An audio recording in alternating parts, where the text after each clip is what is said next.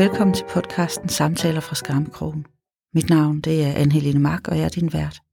I programmet der dykker vi ned i nogle af de årsager, der kan være til, at vi får stress, og hvordan skamfølelser kan være med til at gøre os syge af det.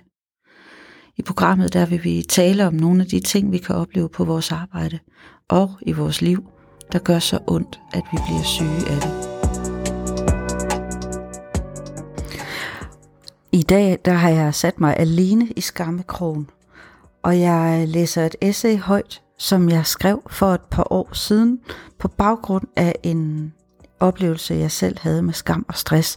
Det var startskuddet til mit arbejde ind i det her med skam og stress, fordi jeg gennem publiceringen af essayet, det var øh, internetmagasinet Pow International, der udgav det, der fandt jeg ud af, at det her, det var egentlig ikke et fænomen, der var afgrænset til hverken lærere eller mennesker, der arbejder med mennesker.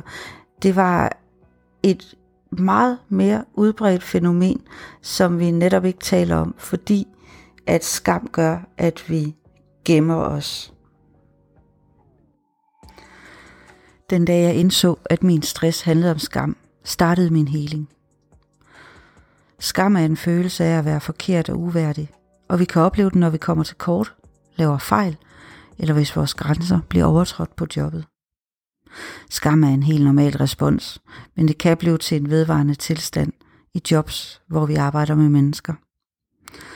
Skamstress er en særlig form for stress, der ikke kun handler om for meget arbejde, men om arbejdsvilkår, der er følelsesmæssigt belastende. Hvis vi bliver overfuset, mobbet eller ydmyget, hvis der dukker mange uventede opgaver ind fra højre, eller hvis vilkår i jobbet gør, at der er uklare grænser, eller hvis vi laver fejl. Høje følelsesmæssige krav i arbejdet, blandet med psykologisk utryghed, kan være en giftig cocktail. Du skal simpelthen ikke arbejde der længere, sådan sagde min mand til mig en morgen efter endnu en søvnløs nat. Jeg var grødlabil, groggy og modløs, og jeg skulle på arbejde. Nat efter nat var jeg vågen mellem klokken 2 og 5. Jeg grublede, havde uro i kroppen og kvalme. Det var som om grovkornet mentalt kattegrus var strøet i min seng og krassede i min sjæl hver nat. Jeg havde ikke energi til andet end at passe det strengt nødvendige. Arbejde, spise og sove. Eller i hvert fald ligge, for jeg fik vidderligt ikke meget søvn i den periode. Vi har brug for en, der kan træde til hurtigt, sådan sagde skolelederen, da han tilbød mig opgaven. Min umiddelbare tanke den var, den klarer jeg. Trods min exit fra lærergærningen, kunne jeg godt lige lukkes. Lidt som en gammel cirkushest, der lugter savsmuld, og tog en ekstra runde i managen. Jeg havde jo masser af faglig pondus. Jeg havde gode relationskompetencer og en stabil erfaring. Jeg havde jo før hjulpet klasser og elever tilbage på ret køl. Jeg lå nu vågen om natten og grublede over, hvordan jeg skulle navigere i mit arbejde med elever, der gav modstand, som var grov og personlig, afbrød, grinede, fik mig til at føle mig latterlig. Elever, der ignorerede mig, når jeg bad dem lytte. Elever, som havde faglige og sociale udfordringer i en grad, der gjorde, at balancen i normalklassen var tippet til en normal, der ikke var sund for nogen at være i. Elever, der kæmpede kampe, jeg så gerne ville hjælpe dem med at vinde. Jeg havde dårlig samvittighed, og jeg følte mig så utilstrækkelig, og det stoppede ikke, når arbejdsdagen var slut. Alene det, at læse de sætninger, jeg har skrevet ovenfor, fylder mig med følelsen af skam og forkerthed. For det er jo kun dårlige lærere, der ikke kan få ro i klassen, tænker jeg, at du tænker. For det er det, der sker, når vi føler os forkerte. Vi dømmer os selv og projicerer dommen ud til andre for at være på forkant, og så gemmer vi os hellere, så de ikke kan se os, og lukker øjnene, så vi ikke kan se os selv. Og jeg skammede mig også, når jeg måtte hæve stemmen for at få ørenlyd ind i det klasserum.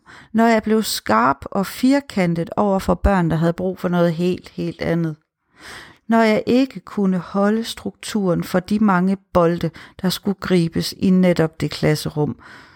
Og for det kunne jeg heller ikke lide mig selv. Og om det kredsede tankemyldret også i et feedback loop mellem sind og krop. Men det kunne jeg ikke erkende i det kaos, jeg stod i, for den daglige utryghed skyggede for, at jeg kunne tænke og føle klart, og det var ved at opsluge mig for en tid. Hvad jeg ikke følte klart var, hvordan det var at være mig i det her. De daglige hak, der kom, ikke bare i mit selvbillede, de kommer også i det system i min krop, der sætter hjernen i højeste alarmberedskab, som om der er alvorlig fare på færre. Det system, som vi i vores dagligdag kan regulere med relativ lethed, var nu i konstant rød.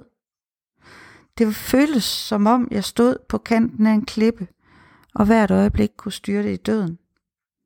Det kunne jeg ikke. Ikke rigtigt. Det var jo bare et arbejde. Det var ikke frådende løver, men unge mennesker af kød og blod, med håb og drømme og en skolegang, der ikke var optimal med inklusion, corona, lockdown og alt for mange voksne, der forsvandt ud af deres liv og heller ikke orkede mere, men det var sådan min hjerne og min krop havde det. Jeg mærkede kun en stærk fornemmelse af, at jeg var forkert, når klassen opførte sig sådan. Mit faglige og menneskelige ansvar var kompromitteret i og med, at jeg ikke magtede opgaven. Skammen klæbede sig til min uformåenhed, magtesløshed og mine grænser, der flød som kviksøl. Og det var netop da jeg indså, at jeg skammede mig, at jeg kunne samle mig selv op igen. For den dømmekraft tilbage, der var nødvendig for at være på en arbejdsplads, hvor jeg ikke følte mig set eller passet på. Ledelsen føltes distanceret og fjern, og kollegerne var selv presset, og jeg var et ubeskrevet blad på arbejdspladsen, og jeg ville helst ikke afsløres som inkompetent.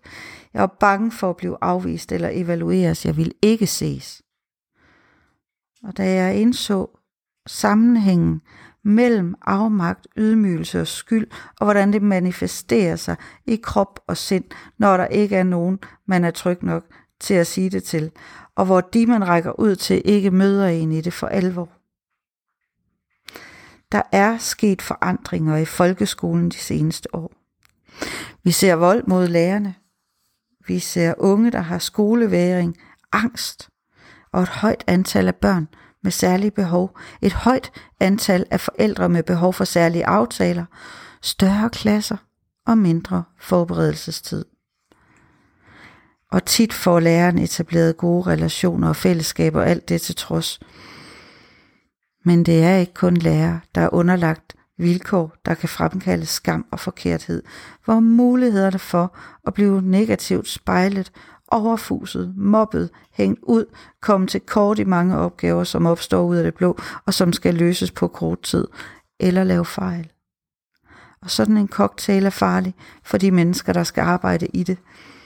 Læger, sygeplejersker og anden sundhedspersonale, pædagoger, men også ansatte i detailhandel og i restaurationsbranchen, de er i højrisikojobs, når det kommer til at opleve skam i arbejdslivet.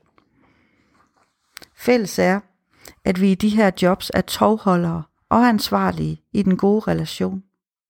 Vi er meget synlige, og tit så skal vi stå på mål for de rammer, som vi arbejder i, og alt, hvad vi laver, er til frit skue, og alle har ret til at have en mening om os. Inden for menneskefagene, der taler man tit om udbrændthed, omsorgstræthed og forrådelse. Jeg er sikker på, vi skal se nærmere på skam som en vigtig brik i forståelsen af stress og ovenstående fænomener. Hvad er skam egentlig for en størrelse? Ordet i sig selv har næsten sådan en mytisk klang, og det fylder os med ubehag. Skam opstår, når vi ikke bliver set for vores hensigter. Og skyld og skam er tit noget, vi blander sammen i daglig tale. Så nu vil jeg prøve at præcisere lidt, hvordan skam kan forstås som fænomen. Forestil dig, at du er 10 år gammel. Du kommer glad hjem og vil give din mor en tegning. Du har gjort, du har gjort dig rigtig umage, og du vil gerne gøre hende glad. Og det er vigtigt, fordi tegningen var for dig en måde at vise, hvor meget mor betyder. Hun er den dejligste og bedste mor i hele verden. Du åbner døren, og du løber med et stort smil og forventningsfulde øjne din mor i møde, mens du råber, mor, mor, se Mor er vred, fordi du igen har glemt at sætte din tallerken i blød, og kunne du for en gang skyld ikke bare komme ind ad døren uden at larme. Du får et møgfald, og du går slukøret på dit værelse og gemmer tegningen væk. Den minder alt for meget om, hvor forkert du føler dig. I denne her fortælling er barnet ikke spejlet for sin intention og ville glæde mor, men er i stedet spejlet for det, hun har gjort forkert, som slet ikke var til stede i barnets bevidsthed, da hun ville glæde mor.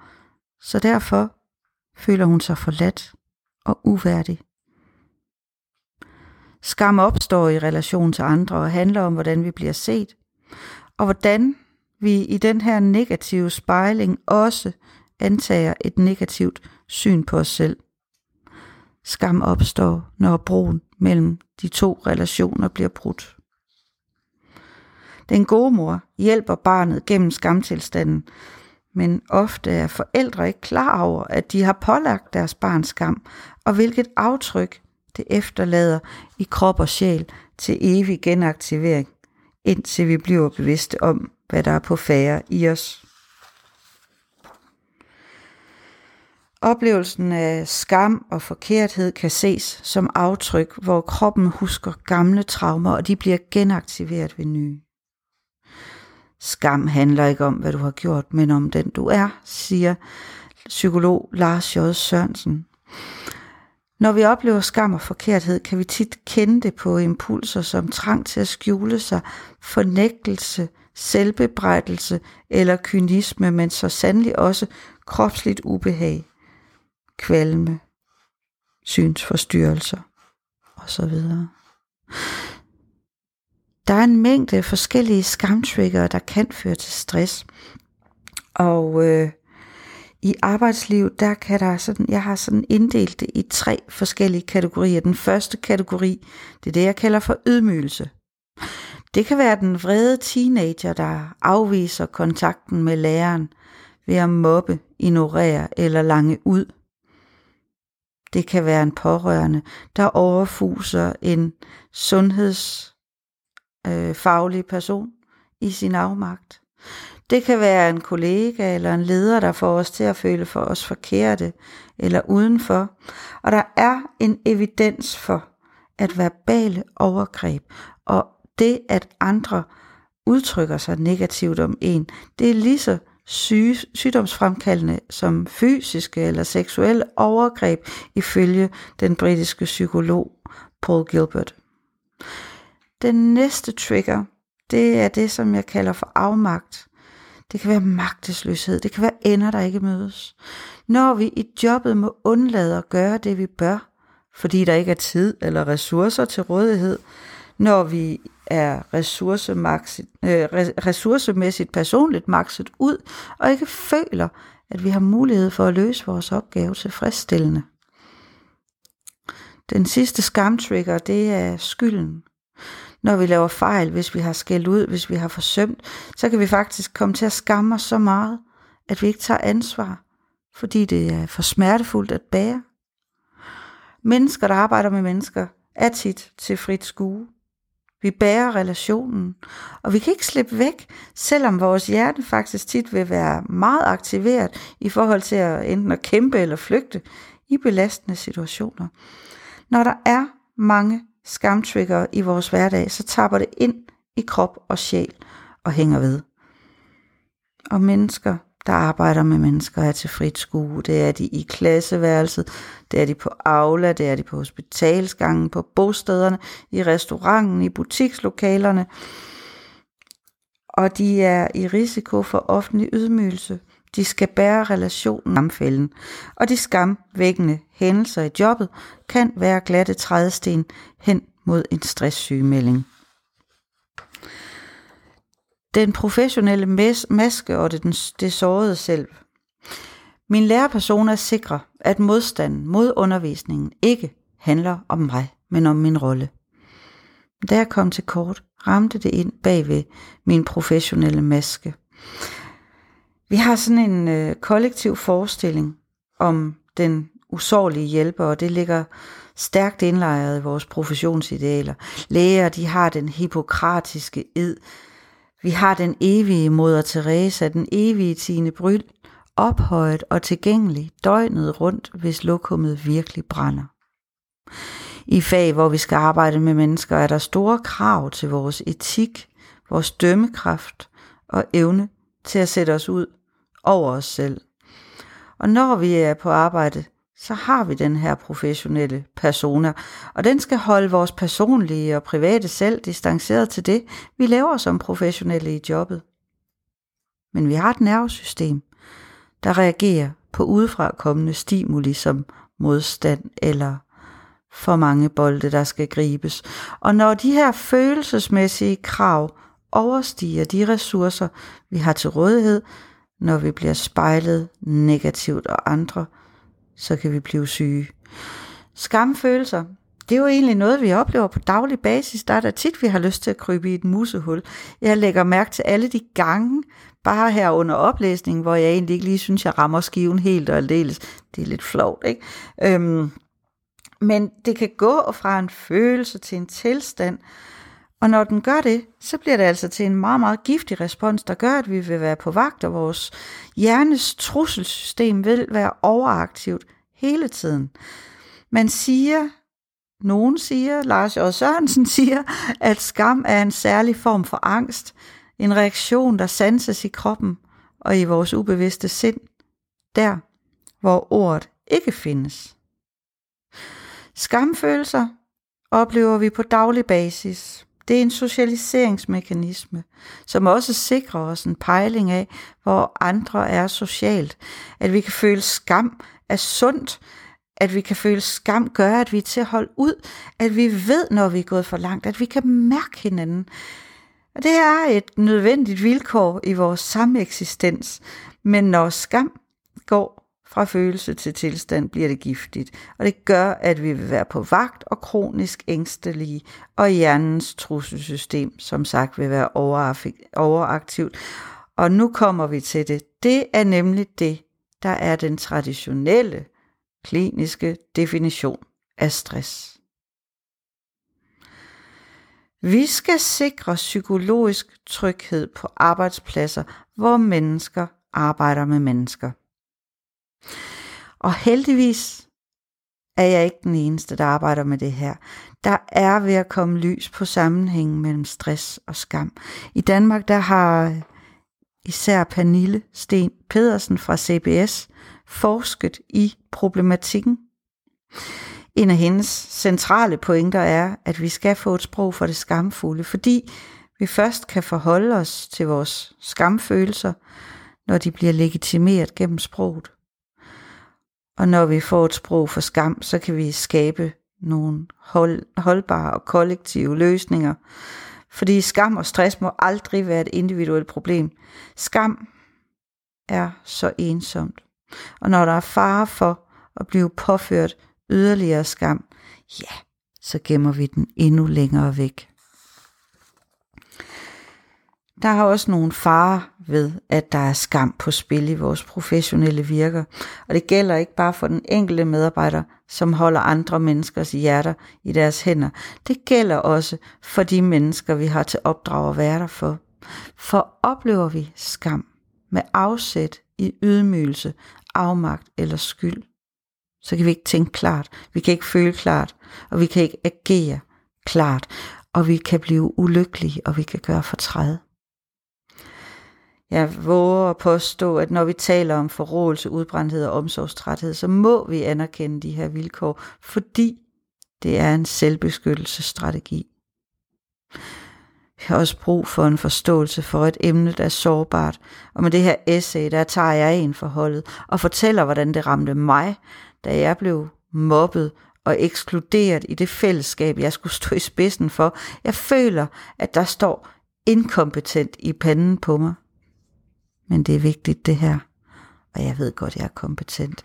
Og hvis jeg tør sige det, er der måske også andre, der kan stå ved deres smerte. Så lad os tale, sætte grænser og holde hinandens hjerter i vores hænder, så vi kan være trygge. Vi må se hinanden, før vi ser på hinanden. Når hjernens trusselsystem er i rødt, er vi ikke modtagelige for evaluering og feedback. Jeg drømmer om, at vi en dag har et skamberedskab på vores arbejdspladser. Et sted, hvor vi kan gå hen og tale med et menneske, der forstår sig på skam. En leder, en kollega, en kollega eller en AMR.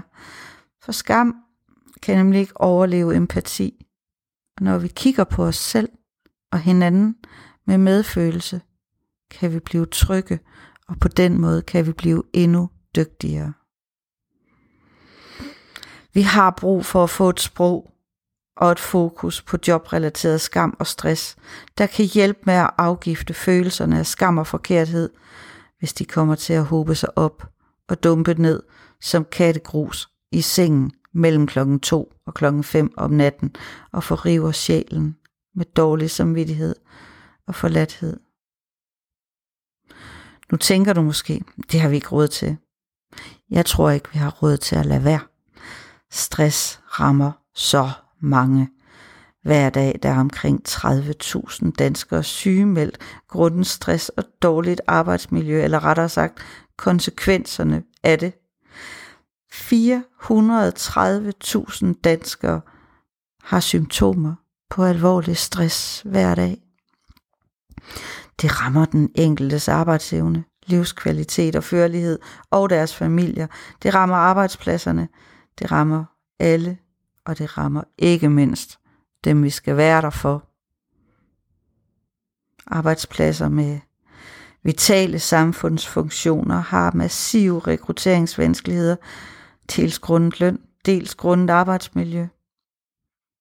Min mission er at holde et spejl op med min fortælling. Og stille mig op og vise, at skam ikke må være en skam. At vi kan hele hinanden.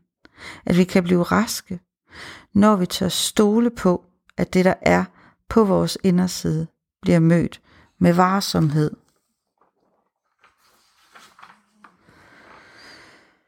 Når det sker, så kan vi nemlig gå ind og tage ansvar. Og mit håb er, at de, der oplever skamstressen, føler sig set gennem mine ord. At kolleger, familie og ledelser tager det her til efterretning, så vi kan blive endnu bedre til at løse vores relationelle opgaver i vores samfund. For ikke så lang tid siden var vi vidne til en øh, shitstorm i forbindelse med en populær børnekarakter, Onkel Reje. Det gik så slemt, at han faktisk blev syg af alle de beskyldninger, der blev kastet i hans retning.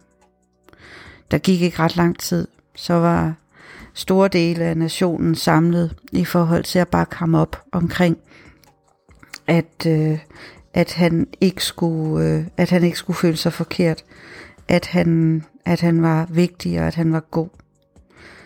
Og jeg tror, at det var den opbakning, der gjorde, at han relativt hurtigt og heldigvis var tilbage på benene.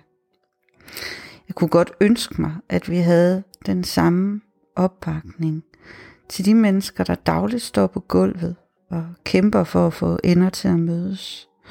Mennesker, der går på arbejde med risikoen for at blive overfuset, filmet og smidt på TikTok. Eller hvis vi kunne blive gode til at se ind bagved, når der sker fejl, og folk ikke når det, de skal.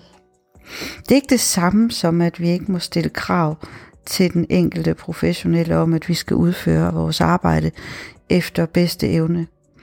Det er jo typisk det, vi ønsker, når vi går på arbejde. Men vi kunne blive meget bedre til at sikre, at der ikke er nogen, der skal komme derud, hvor de ikke kan bunde.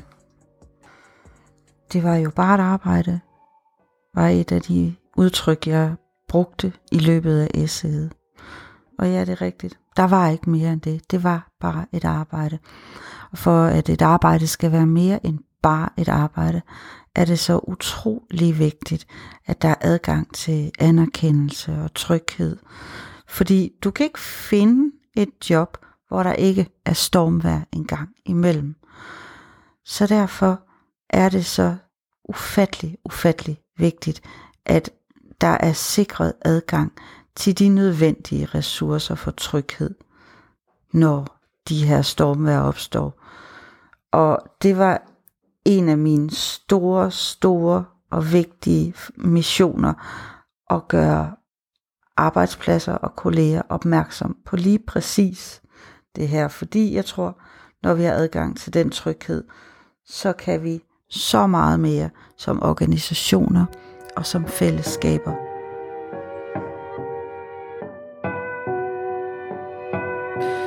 Tak fordi du lyttede med. Jeg håber, at du har fået nogle gode perspektiver på skam og stress i den her udgave af Samtaler fra Skammekrogen. Hvis du kan lide det, du hører, så må du rigtig gerne dele den her podcast, og jeg vil blive glad for en anmeldelse, så vi kan komme ud til flere lyttere. Hvis du har en fortælling, du vil dele i Skammekrogen, så send en mail til mig. Adressen er i worknotesene nedenunder podcasten. Tak for nu, og vi lyttes ved i næste afsnit af Samtaler fra Skammekrogen.